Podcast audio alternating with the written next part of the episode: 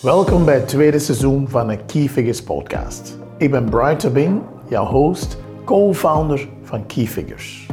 In deze podcast praten we met CFO's, finance directors en andere specialisten uit finance. Zo leren wij hoe deze finance professionals key figures en processen gebruiken om het managementteam te ondersteunen en te challengen. En de juiste strategische keuzes te maken om de winstgevendheid van je ondernemingen te monitoren en te verhogen. Kruip elke woensdagmiddag mee in het hoofd van een finance specialist in een nieuwe aflevering van de Key Figures podcast. Op dit ogenblik zien we heel weinig faillissementen. Uh, het afgelopen jaar hebben we 30% minder faillissementen gekend dan de jaren voordien. En het eerste trimester van dit jaar is niet anders. Maar hoe komt dat?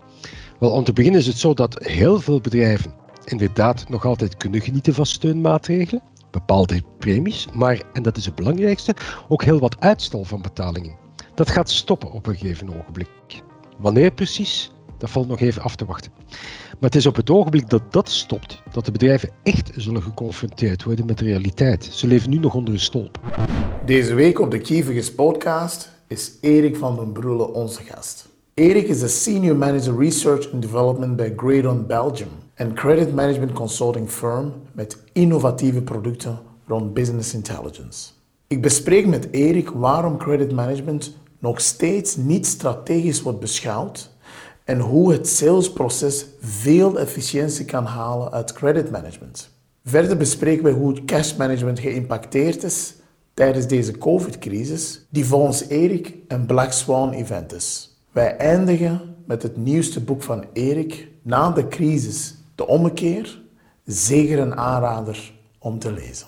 Geniet van dit waardevol gesprek met Erik van den Broelen. Erik, welkom bij de Kiefiges podcast. Uh, het is met heel veel plezier dat ik vandaag uh, ja, over heel wat um, zaken wil, wil gaan, gaan sparren met jou. Want jouw expertise is voor mij al lang duidelijk.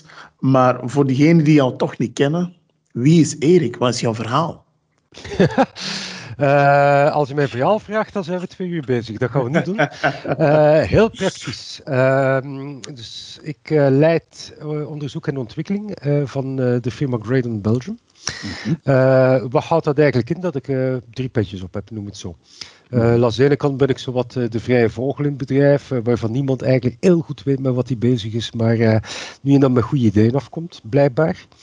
Die ideeën worden dan in sommige gevallen ontwikkeld en leiden soms tot successen, dus dat is wel leuk. Maar goed, uh, door jarenlang daarmee bezig te zijn, uh, je moet weten dat ik vooral bezig ben met het ontwikkelen van alle soorten van algoritmes op basis van data, die uh, ons alle soorten van inzichten geven, die veel verder gaan dan puur het financiële, kunnen we misschien straks op terugkomen. Zeker.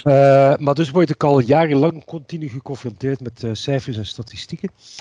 Een jaar geleden heb ik mij afgevraagd of ik echt de enige nerd ben die uh, daar echt in geïnteresseerd ben. Dus uh, ben ik dat beginnen publiceren. En een beetje tot mijn verbazing uh, vrij succesvol. In die zin dat uh, ja, na, na twintig jaar zo'n dingen doen, dat ik uh, continu betrokken ben bij alles wat van vraagstellingen vanuit pers. Mm -hmm. Maar evengoed vanuit de overheid. Ik heb onder andere actief meegewerkt aan het vormgeven naar verschillende wetgevingen die te maken hebben met vennootschapsrecht, met insolventierecht. Ik word daar ook voortdurend door geraadpleegd. Dat is wat het tweede petje. En het derde petje is dan dat ik ook heel veel word gevraagd door de pers om op van alles en nog wat commentaar te geven. Dat is de ja. grote lijn. Voor de rest, uh, ben, ja, ik ben 56. Ik werk uh, nu iets meer dan 30 jaar bij Gedon. Ik ben getrouwd met een heel lieve man. Ik ben van mm -hmm. oorsprong uh, helemaal geen data scientist of econoom, maar eerder vanuit de filosofie. Mm -hmm. heel toevallig in een bedrijf terechtgekomen. En ik amuseer mij daar sinds 30 jaar kostelijk. Ja, het, het, ik moet eerlijk zijn, onze luisteraars zien jou niet, ik jou uiteraard wel. En het is eraan te zien dat je daar heel veel plezier beleeft. Hè. Um, ja, Graydon kennen wij allemaal. Hè. Het is natuurlijk een bedrijf dat uh, zo goed als uh, uh, ja, hetzelfde wordt vergeleken met, met credit management en dergelijke. Maar um, zoals ik het natuurlijk mij voorbereid, jullie doen veel, veel meer dan dat. Hè. en ja. daar gaan we vandaag natuurlijk wat meer over vertellen. Hè. Ik wil eerst ook beginnen met het stuk waar iedereen jou voor kent en uiteraard ook Graydon ook.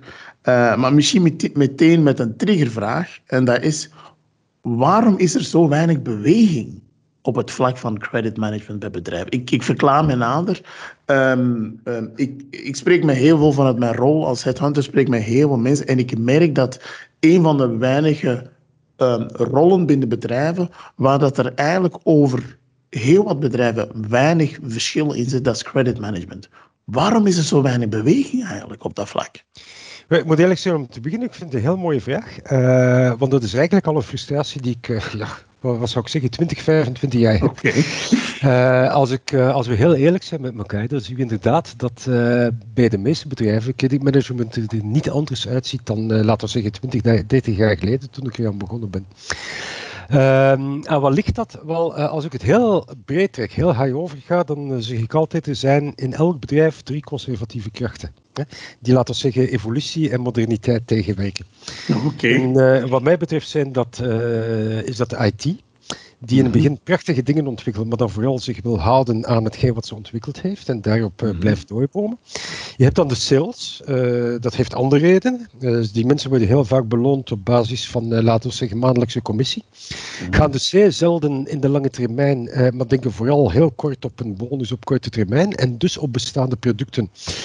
willen die wel een beetje aanpassen aan de situatie van de klant en zo, maar veel verder dan dat gaat het meestal niet. Pas op, ik word heel vaak doodgeschoten als iets. het zijn heel complicerende vragen die je nu zegt. Hè? En uh, daar heb je inderdaad het creditmanagement, waarvan je ziet dat het jammer genoeg, voor alle duidelijkheid, um, zelden deel uitmaakt van, laten we zeggen, de strategische concepten van een onderneming. Je gaat heel vaak zien dat creditmanagement een onderdeel is van het financieel management. Mm -hmm. Dat hun opdracht beperkt tot het puur uh, binnenhalen, binnenhalen van die gelden die uh, nog niet betaald zijn, of op zijn minst iets beter dan dat een beetje proberen te beheersen, but that's it. Hm?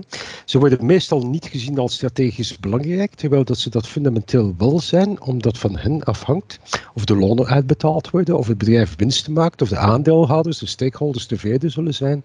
Uh, omdat van hen ook afhangt of de klanten uiteindelijk ook voor een stuk tevreden zullen zijn. Zij, zij kunnen zij vaak op de eerste lijn staan als het gaat over discussies met klanten, klachten met klanten, begrijpen wat er precies aan de hand is en ze zouden kunnen bijsturen. En dat gebeurt veel te weinig. -hmm. Dus dat is, laten we zeggen, een eerste beeld. Uh, als je dan verder gaat en je gaat terug naar de uiteindelijke opdracht van de creditmanagement, namelijk zorgen dat datgene wat verkocht uiteindelijk betaald wordt, dan ga je ook zien dat het creditmanagement veel te laat wordt ingeschakeld in het strategisch concept, uh, strategisch commercieel concept van een onderneming. Mm -hmm. Je gaat zien dat nog altijd, uh, en dat is nauwelijks veranderd op jaar, um, de meeste creditmanagers worden aangesproken door de, door de sales. Eenmaal de bestelbon is binnengekomen. En dan vooral gezien worden als een grote boemelen die uh, wel eens een order durven weigeren tot grote teleurstelling van de sales in dat geval. Terwijl ze vanuit een strategische optiek een heel andere rol zouden kunnen spelen. Want uiteindelijk ervoor zorgen dat uh, je gelden binnenkomen, dat er effectief betaald wordt, dat is geen zaak van de vraag achteraf stellen op, op het moment dat er getekend is. Hè? Mm -hmm. Maar dat is een vraag die je eigenlijk moet stellen vanaf, uh, vanaf de prospectie. Met andere ja. woorden, creditmanagement zou veel nauwer moeten betrokken worden bij, laten we zeggen, het volledige salesproces. En eigenlijk is de eerste vraag die je moet stellen, is dat je een nieuw product hebt ontwikkeld. Of je zoekt jezelf een nieuwe klantenportefeuille, of, of je prospecteert gewoon verder, is van goed kijk. Uh, alles heeft te maken met uh, tijd en mogelijkheden en gelden.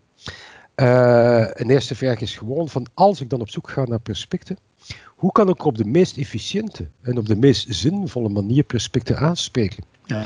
Misschien even kort onderbreken, Erik. Ja? De, eigenlijk, als ik, het jou, als ik jou goed ga volgen, wil je eigenlijk zeggen dat credit management van een, van een, een, een reactief model, dus als de bestelbon er al is, dat zou relatief vroeg in het proces, meestal komen ze veel later nog, in de meeste gevallen, naar helemaal vooraan uh, het, het salesproces om proactief eigenlijk credit management de volledige uh, uh, kansen te geven om natuurlijk waarde toe te voegen. Klopt dat? Klopt dat hetgeen dat je wilt zeggen? Dat klopt inderdaad. Uh, wat betekent dat concreet? Wel, uh, kijk, je kunt nooit een volledige markt bestrijken. Hè? Ik denk dat dat een illusie is om dat te doen. Absoluut. Je moet keuzes maken vanaf het begin. En als je dan toch je prospecten uitkiest, Hè? Uh, je, je ontwikkelt een nieuwe schoenenlijn. Laten we maar zeggen paarse schoenen met gele veters of zo. Mhm. En je zoekt je dus de juiste schoenenwinkel voor. Wel, dan is een vraag die je daar onmiddellijk bij kunt stellen. Gewoon van oké, maar als ik die bedrijven aanspreek, als ik daar een prospectus naartoe stuur, als ik daar iemand op afstuur, uh, gaan die mij uiteindelijk ook betalen. En dat moet deel uitmaken van je verkoopsproces. Gewoon daar al de selectie maken. In die zin zouden creditmanagers uh, salesmensen kunnen helpen om een stuk efficiënter te zijn, om minder problemen te hebben achteraf. En zelfs de salesmensen kunnen helpen om betere resultaten te verkrijgen, wat uiteindelijk te goede komt aan heel het bedrijf. Dus daar begint het al. Mm Helder, helder.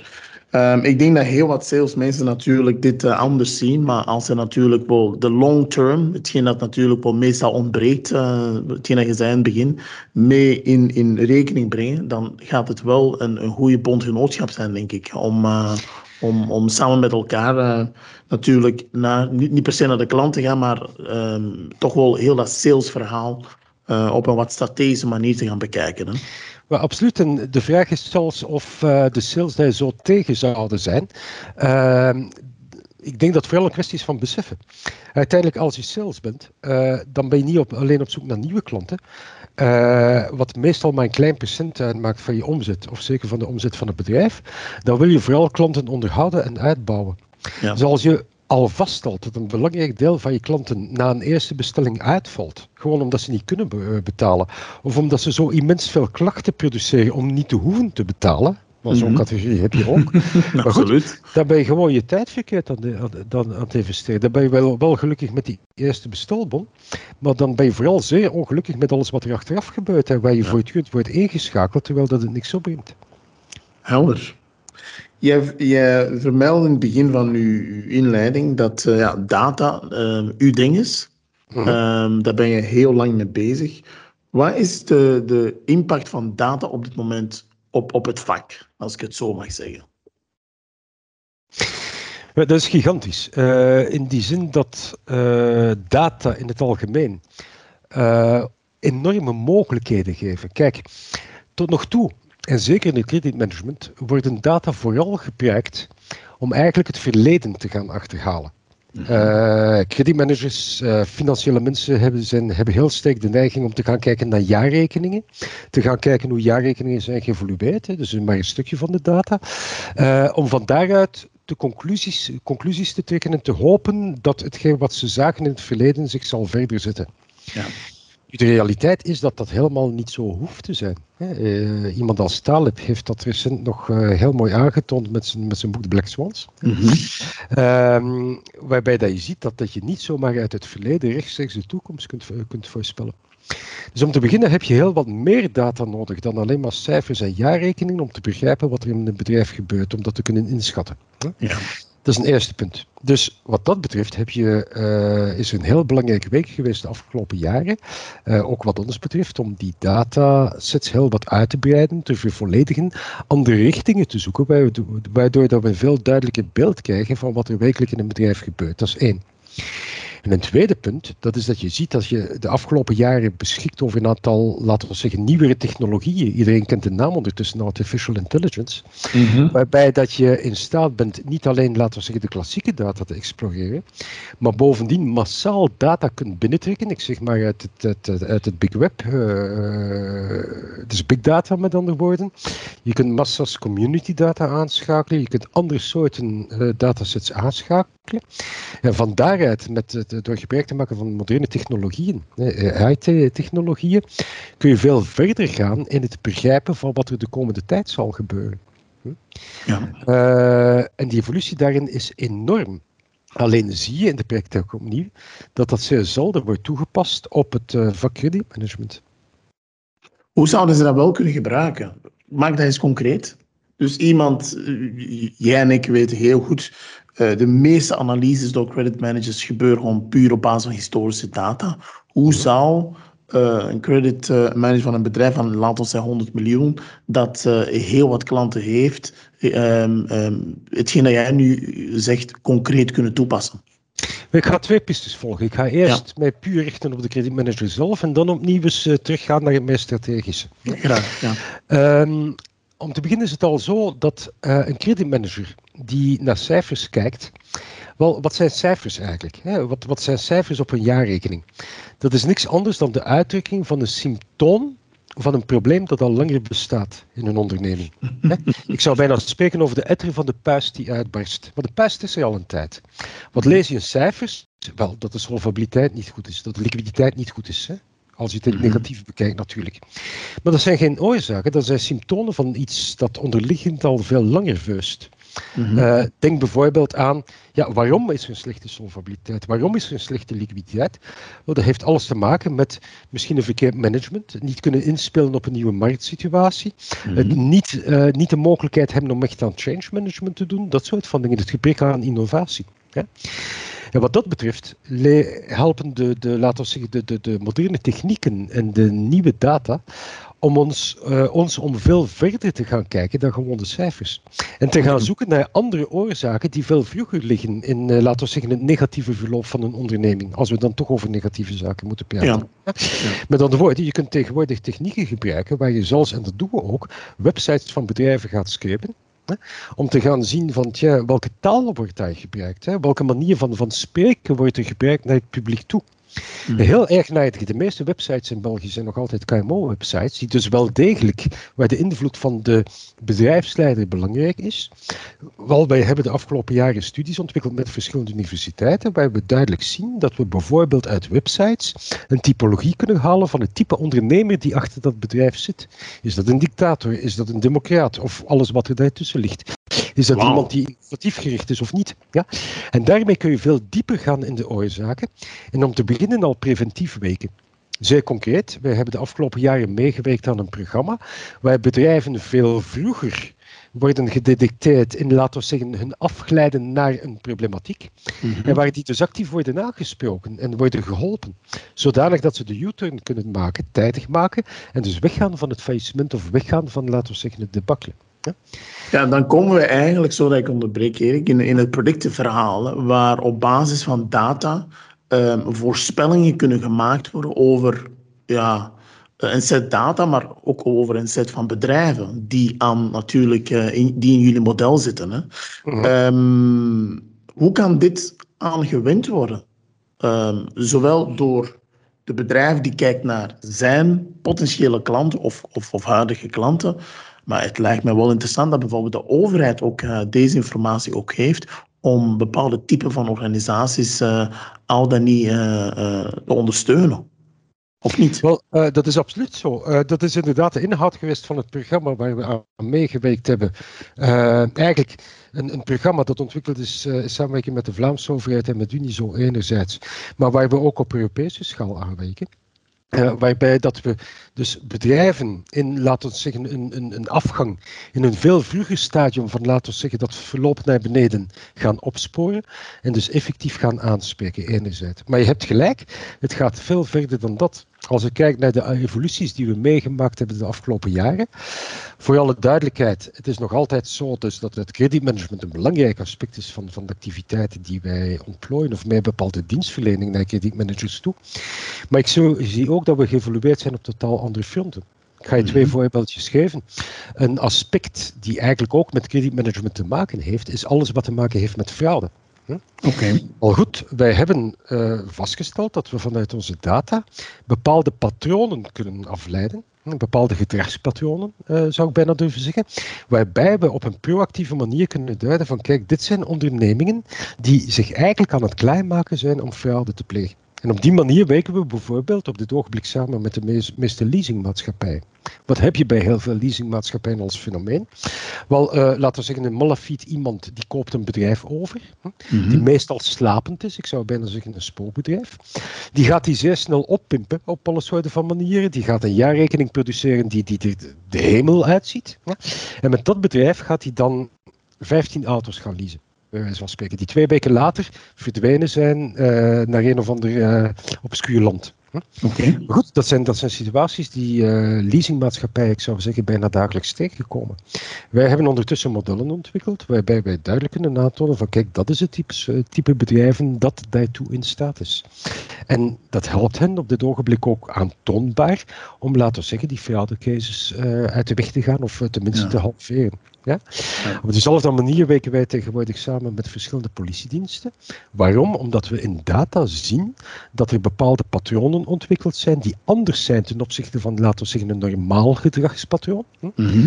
En die uitzonderlijke patronen wijzen dan op het feit dat die bedrijven bijvoorbeeld betrokken kunnen zijn dus beeldvorming, geen bewijs voor alle duidelijkheid, betrokken kunnen zijn bij fenomenen als mensenhandel, drugs en dergelijke meer. Ja? En op dat vlak uh, helpen wij ook politiediensten verder om hen te tonen in welk type ondernemingen zij zich, uh, zij zich uh, moeten concentreren. Om, wow. ja. Twee voorbeeldjes van activiteiten mm -hmm. Net zoals bijvoorbeeld het feit dat wij uh, nu alles aan het kleinzetten zijn. Het is nog lab, maar we zijn dat volop aan het ontwikkelen.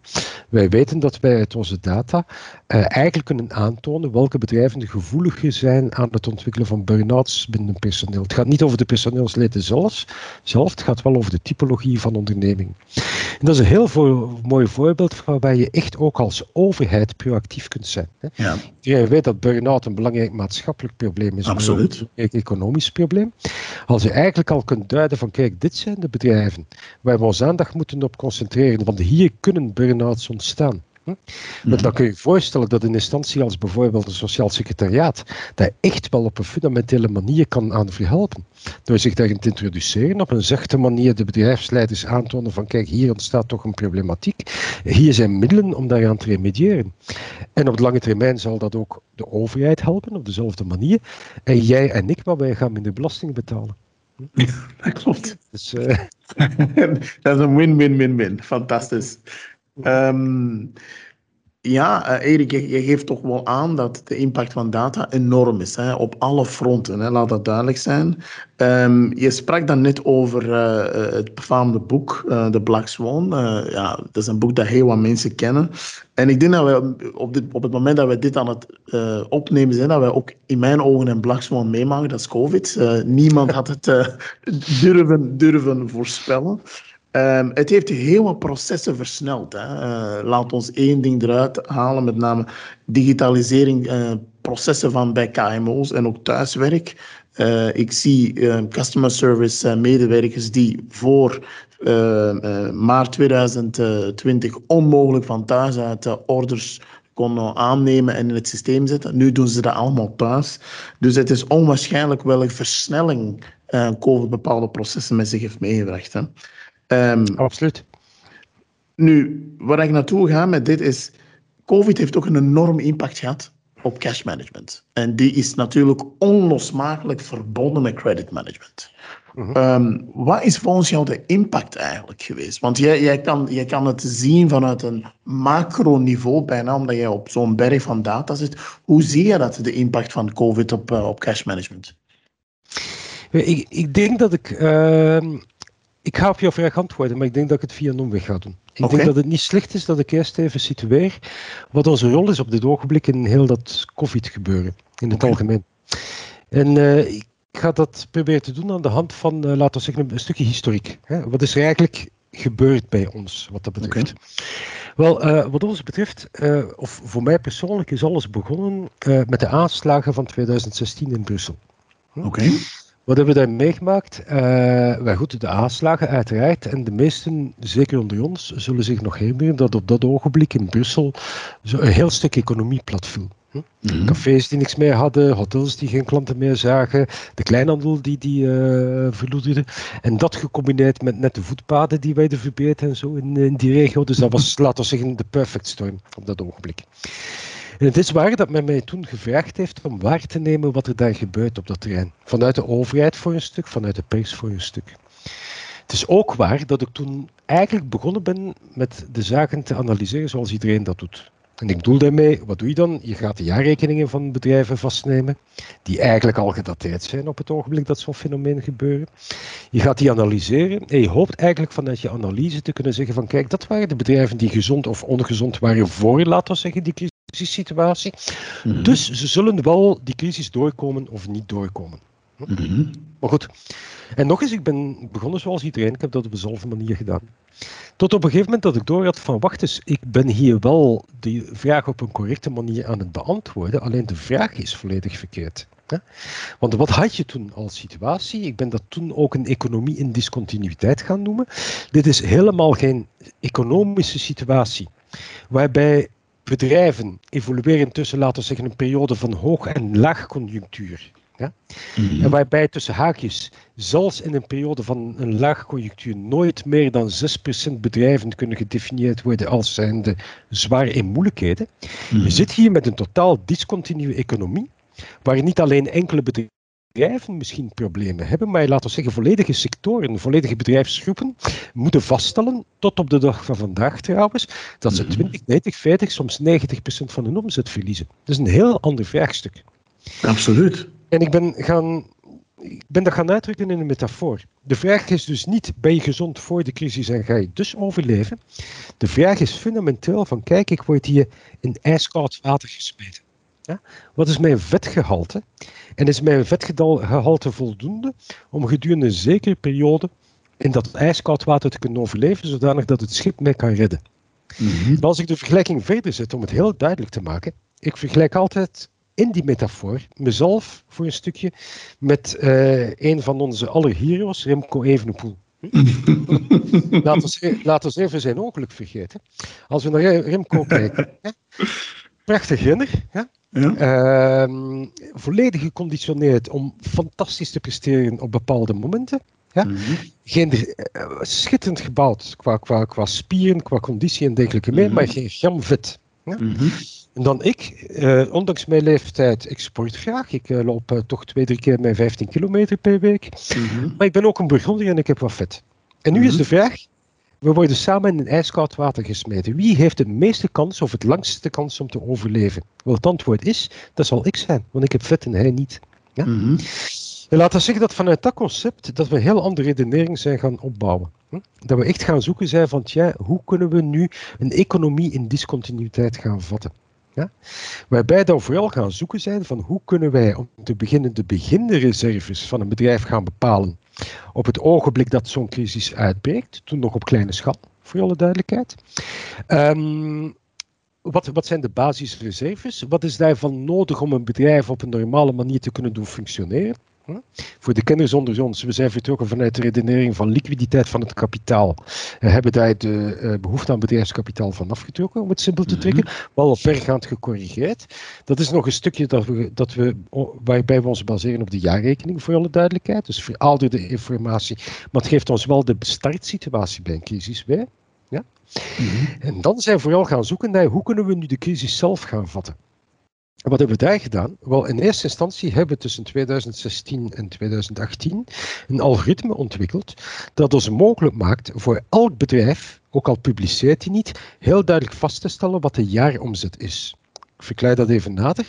In okay. België zijn er 420.000 bedrijven die een jaarrekening publiceren. Er zijn er maar 40.000 die een omzet publiceren. Wel, voor die andere 380.000 hebben we een bij benadering, maar vrij juiste omzetinschatting kunnen ontwikkelen. Ja? Dus dat geeft ons de omzet op jaarbasis bij. En dan hebben we nu in het kader van deze crisis instrumenten ontwikkeld die ons bijna op dagbasis weergeven per sector op NACI-code 5, dus zeer gedetailleerd mm -hmm. en ook nog geografisch. Ja? Hoe de omzetten dag na dag evolueren. Dus wij nemen echt die omzetverminderingen waar. Wij trekken daar de variabele kosten van af. Dus de kosten waarin kan gevarieerd worden. Mm. Wij houden voortdurend in de gaten wat de overheid uh, uit, uh, ontwikkelt aan steunmaatregelen. Wijzen dat aan de juiste ondernemingen toe.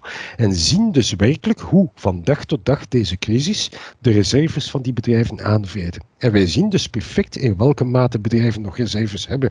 En dus nog een tijdje verder verder kunnen. Hm? Mm -hmm. Of in tegendeel, uh, wij zien even goed die bedrijven die ondertussen hun reserves volledig hebben opgesoupeerd en dus absoluut dringend cash-injecties nodig hebben, ja. al is het maar om te kunnen overleven. En dan kom je tot een heel andere vaststelling.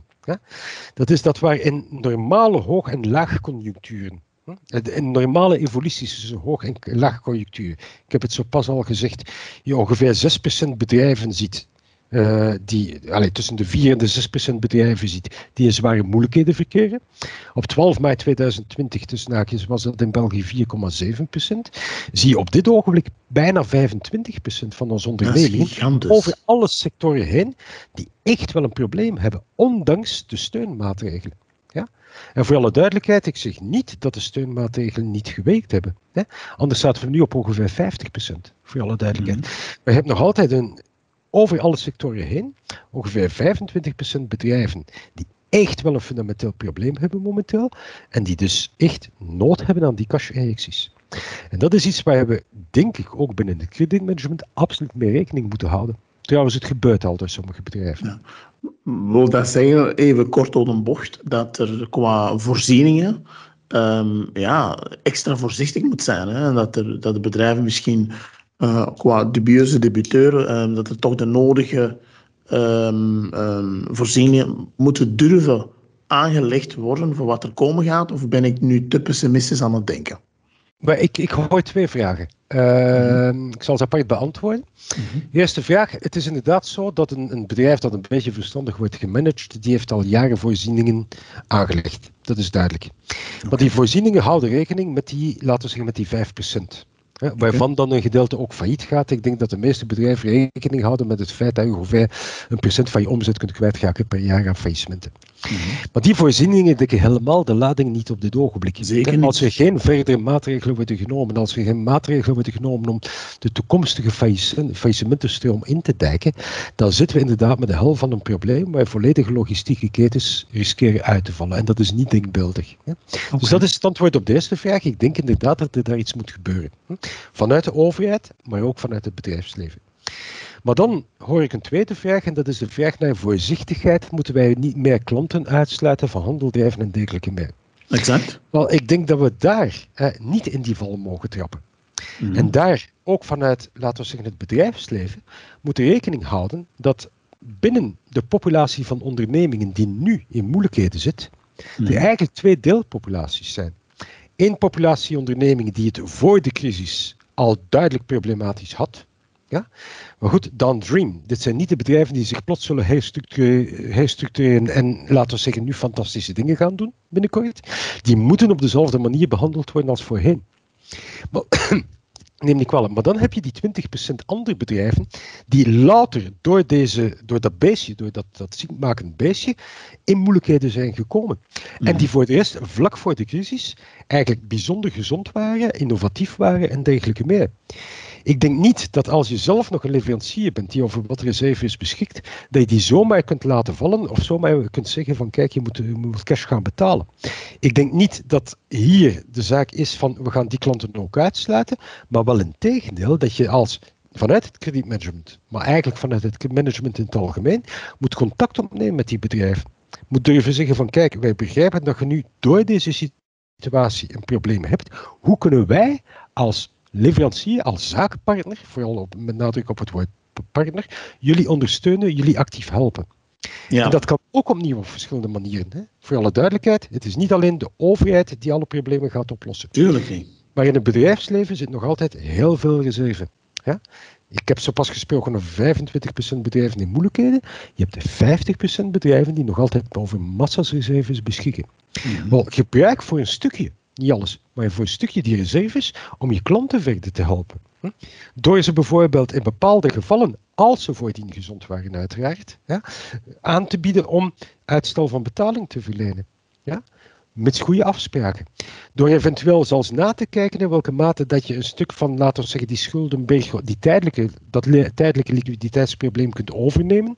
Door het nemen van minderheidsparticipaties, door het aanbieden van goedkope leningen en dergelijke meer. Dus ik denk dat ik hier heel sterk ook moet oproepen uh, tot, uh, hoe zou ik zeggen, een situatie waarbij we niet alleen blijven rekenen op de overheid om al die problemen op te lossen. De overheid zal ze niet allemaal oplossen, maar waarbij we, waarbij we ook heel sterk gaan rekenen op de solidariteit tussen de ondernemers zelf. Ja, ja helder. Heel helder voor mij. Ehm, wat zijn de effecten die jij verwacht, laat ons zeggen, na de zomer? Uh, wat zijn de effecten die... Je hebt al misschien je vorig betoog al uh, een lichtpuntje daarvan kunnen meegeven, maar, maar wat verwacht je? Het is uiteraard um, een inschatting, dus um, wat ja. verwacht je? Uh, een inschatting, ja. maar zeker als je zegt tot aan de zomer of kort na de zomer, een inschatting waarvan ik durf zeggen van gebaseerd op data en dus op mhm. feiten. Ja? Mm -hmm. Dus zoals gezegd, wij zien op dit ogenblik ongeveer 25% van de bedrijven die het echt wel moeilijk hebben. Ja? Okay. Um, het is niet zo dat de overheid gaat blijven, ik zou zeggen, Sinterklaas spelen. Voor alle duidelijkheid. Op dit ogenblik zien we heel weinig faillissementen. Uh, het afgelopen jaar hebben we 30% minder faillissementen gekend dan de jaren voordien. En het eerste trimester van dit jaar is niet anders. Maar hoe komt dat?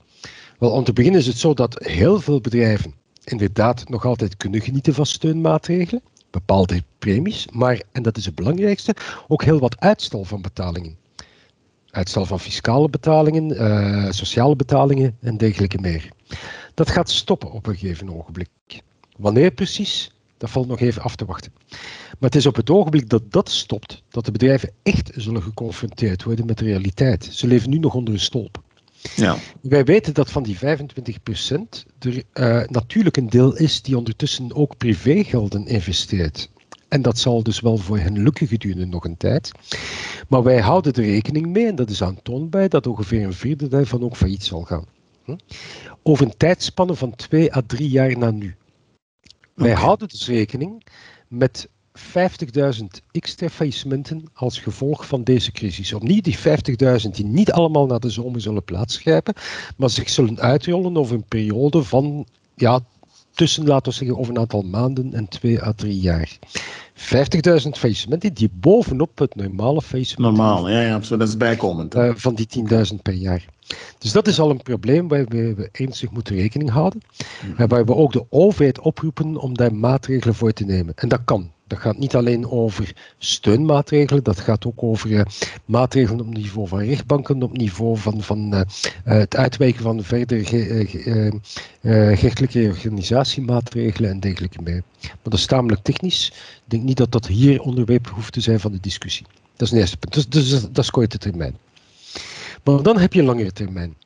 Wel, om eerlijk te zijn, um, ik denk dat je, uh, ik zal het anders zeggen, optimism is a moral duty, dat weten we allemaal.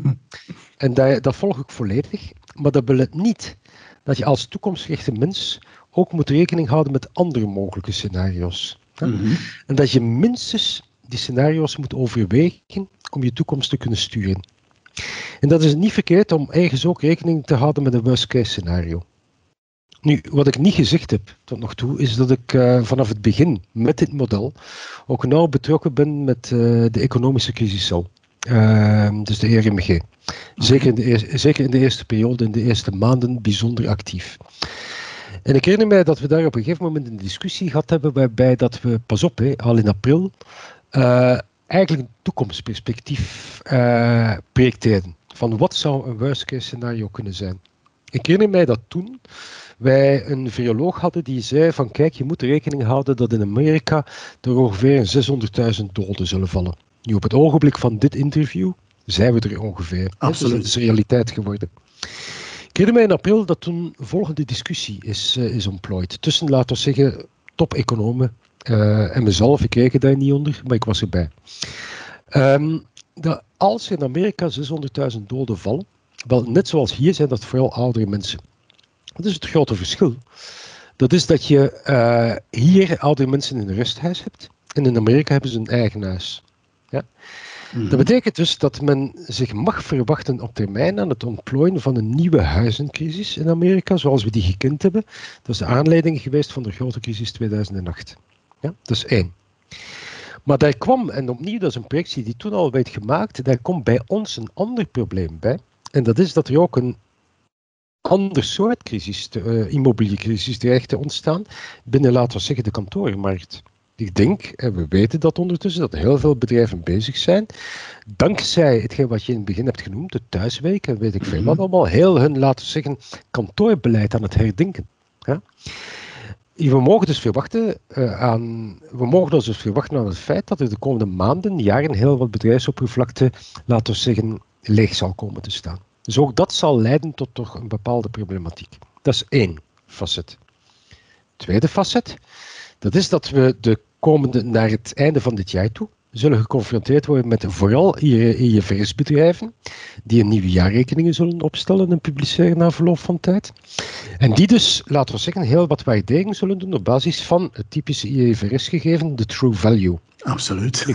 Wat betekent dat concreet? Dat is dat heel wat financiële vaste activa die in het bezit zijn van die ondernemingen zullen moeten geherwaardeerd worden en voor alle duidelijkheid naar beneden toe. Dat is, by the way, het begin geweest van de dubbeldip van de uh, crisis die we gekend hebben in 2008 en in het bijzonder 2010, 2011 op dat ogenblik. Mm Je zult daar eigenlijk het samenkomen hebben van twee fenomenen. En als je daarover nadenkt, en je denkt dan over de rol van de banken, dan weet je van, kijk, banken die nemen zekerheid op basis van twee dingen. Dat is immobiliën en financiële vastactiva. Wel, opnieuw, dit is een worst case scenario. Maar als die twee elementen samenkomen, ja, en je hebt dan een, uh, de, het, effect op de, het effect daarvan op de banken, dan zit je over een jaar of twee echt wel met een ander soort probleem. En opnieuw, klinkt, ik, hoop eh, zoals, ik hoop zoals iedereen dat dat niet zal gebeuren. En ik kruis mijn vingers zoals iedereen, laten we hopen. Maar ik denk wel dat we moeten rekening houden met het feit dat dat een mogelijkheid is. Dit is heel pessimistisch, hè? Uh, dit is de meest pessimistische visie. Ja. Uh, ik zeg niet dat ik daar 100% in geloof. Ik uh, weiger zelfs, zelfs in te geloven. maar ik denk wel dat we daarmee moeten rekening houden. Dat is één zaak. Een andere zaak, je had het over Black Swans. Mm -hmm. Wel, ik denk dat als de crisis, de COVID-crisis, zoals nu één ding geleid heeft, dat is dat het Black Swan-fenomeen wel degelijk bestaat. Ja. En dat je dus nu een crisis gehad hebt die sanitair is. We weten, die kunnen nog komen ooit. Laten we hopen dat we het niet meer meemaken. Maar we hebben ook gezien dat er andere kleine subcrisissen ontstaan. We hebben bijvoorbeeld ondertussen meegemaakt dat we met een chipstekort zitten. Deels door de sanitaire crisis, deels door een brand in de fabriek in Japan. We hebben heel recent het Suez-kanaalprobleem meegemaakt. En telkens zien we dat er toch bevoorradingsproblemen ontstaan. Wil dat dus zeggen dat ik vrees dat in de nabije toekomst opnieuw zo'n wereldwijde pandemie zal ontstaan? Wel, cross fingers, hopefully not. Ja? Mhm. Maar ik denk dat we ondertussen voldoende gezien hebben dat er wel degelijk ja, regelmatig toestanden ontstaan waarbij stukken of stukken industrie gewoon uitvallen. En dat dat de zaak is dat als we willen werken aan een meer robuuste economie, een meer robuuste maatschappij, dat we daar wel veel meer mee moeten rekening houden. Ja. Pleit je ervoor dat, dat bepaalde supply chain systemen, bij wijze van spreken, bijkomende capaciteit creëren uh, in een soort van een what-if? Dat, dat ze zeggen van kijk, als dat gebeurt, moeten wij toch relatief snel kunnen omschakelen. Hetgeen dat in heel wat industrieën en sectoren nauwelijks aanwezig is hè, op dit moment. Hè. Wel, uh, laten we duidelijk zijn. Ik heb zeer vaak gehoord, let's go back to normal. Mm-hmm. Ik hoop vooral dat dat niet gebeurt. Ik hoop dat we uit deze crisis echt wel onze lessen trekken. Mm-hmm. En eigenlijk moeten streven naar een veel robuustere maatschappij, een veel robuustere economie, een veel robuustere supply chain, waar we inderdaad grondig de manier waarop dat we onze, onze wereld bevoorraden, herdenken. Inderdaad. Oké, okay. helder. Je hebt een boek geschreven. Mm Online. Um, waarover gaat het? Wel, uh, de titel van het boek is Na de crisis de ommekeer. En ik denk mhm. dat de titel al uh, voor een stukje voor op zich spreekt. Voor alle duidelijkheid, het is geen boek over kredietmanagement. Het is geen boek die later gaat over economie. Speelt er natuurlijk wel een rol in. Mhm. Het is in eerste instantie een maatschappelijk boek, waar ik zeer bewust gemikt heb op, laten we zeggen, een jong publiek of een lekenpubliek. Dat is één. Mhm. Ten tweede, het is een heel persoonlijk boek. Het gaat uit van persoonlijke ervaringen. Uh, het vertelt ook een beetje een stuk mijn levensverhaal. Zit er allemaal in. Maar wat doe ik eigenlijk? Wel, ik vertrek vanuit, uh, laten we zeggen, mijn situatie in deze crisis. Of mij bepaalde ervaringen die ik meegemaakt heb in deze crisis. Wat heb ik gezien uh, bij het beheersen van deze crisis in de Crisis Task Force? Hoe hebben wij onze visie ontwikkeld en dat model ontwikkeld? En eigenlijk kom ik zeer snel tot de vaststelling van kijk, deze crisis kan ons verschrikkelijk veel leren. Ook op economisch vlak. Als wij één zaak zien, dan is dat dat heel ons ook dat nee, ik zal het anders zeggen. Uh, deze crisis toont zeer duidelijk aan waar het in onze economie de afgelopen 30 jaar fout is gelopen. Ja? Waar er inderdaad hiaten zitten in de manier waarop dat we onze economie, maar ook onze maatschappij organiseren. Je moet eigenlijk bijna ziende blind zijn om dat niet te zien. En ik probeer dat te beschrijven. Okay. In het eerste deel probeer ik dat te doen. En dan kom ik tot een conclusie. Ik stel eigenlijk vast dat wij ons als mens vooral laten overheersen hebben door, laten we zeggen, een bepaalde tunnelvisie. tunnelvisie. Ik zou het noemen een economische en technologische tunnelvisie. Goed. En ik stel, dus de, ik stel dus vragen bij de plaats van de mensen in onze maatschappij en de rol die economie daarin speelt en technologie daarin speelt. Mm Goed, aangezien dat ik de, de vraag stel naar de plaats van de mens in de maatschappij, ga ik in een tweede deel vooral op zoek van, maar goed, wat is de mens eigenlijk? Hoe kun je de mens gaan, gaan definiëren? Wat is typisch aan de mens? Um, en, en welke rol heeft hij in de maatschappij? Ik kom ergens tot de conclusie van, kijk, de mens is vooral een cultureel wezen, die als uniek wezen toekomstgericht kan denken en handelen die scenario's kan ontwikkelen. Eigenlijk heb ik dat zo pas al een beetje gezegd. Je moet kunnen mhm. denken van wat zijn mogelijke toekomstige scenario's en waarmee moet ik dus rekening houden. Ja? Mhm. Eh, en hoe kan hij ervoor zorgen dat zijn maatschappij terug wordt gebouwd rond zijn mens zijn en niet rond economie en technologie? Ik zal het anders vertalen. Ik ga ergens vaststellen van kijk, de mens is een toekomstgericht wezen. Hij heeft om zijn toekomst te kunnen bouwen drie instrumenten in handen. Dat is economie, dat is technologie. Ja? En dat is de manier waarop dat hij zijn maatschappij bouwt. Ik bedoel daarmee staatshuishoudkunde. Ja? Mhm. Maar goed, hoe kan hij nu zelf het heft terug in handen nemen? Hm? En ervoor zorgen dat die instrumenten hem helpen als mens en niet omgekeerd. Dat is eigenlijk, laten we zeggen, okay. het concept van het hele boek. Hm. Klinkt heel interessant. Uh, zeker de moeite. Om, uh, ik ga dat sowieso al lezen uh, Erik. Um, wij, wij zijn, wij, ik heb daarnet uh, de vraag gesteld over uh, uw boek, um, maar ik ga ervan uit, jij bent een heel belezen en ook iemand met bijzonder veel kennis. Welk boek heb je het meest aangeraden aan anderen en waarom? ik, ik, uh, ik zal het antwoord geven, uh, vooral de laatste tijd. Hè. Ik zal, ik zal ja, ja, pak de laatste tijd. Uh, ja. Laten we zeggen dat het boek van Talib dat we al eens naar voren hebben gebracht, dat ik denk dat die bijzonder leerrijk is. Hè. Maar laten we het daar niet over hebben. Ik denk dat we het al een stukje over gehad hebben. Een ander dat mij bijzonder boeit, ik ga het even vastnemen om de titel voor te lezen, omdat ik het niet altijd juist van buiten ken. Maar dat is dat van Carlotta Perez en dat heet Technological Revolutions and Financial Capital. Dat vind ik een ongelooflijk waardevol boek. Om te beginnen, uh, ondanks de titel, het leest vrij vlot. Mm Er is wat techniciteit bij, maar je kunt het eigenlijk heel gemakkelijk lezen.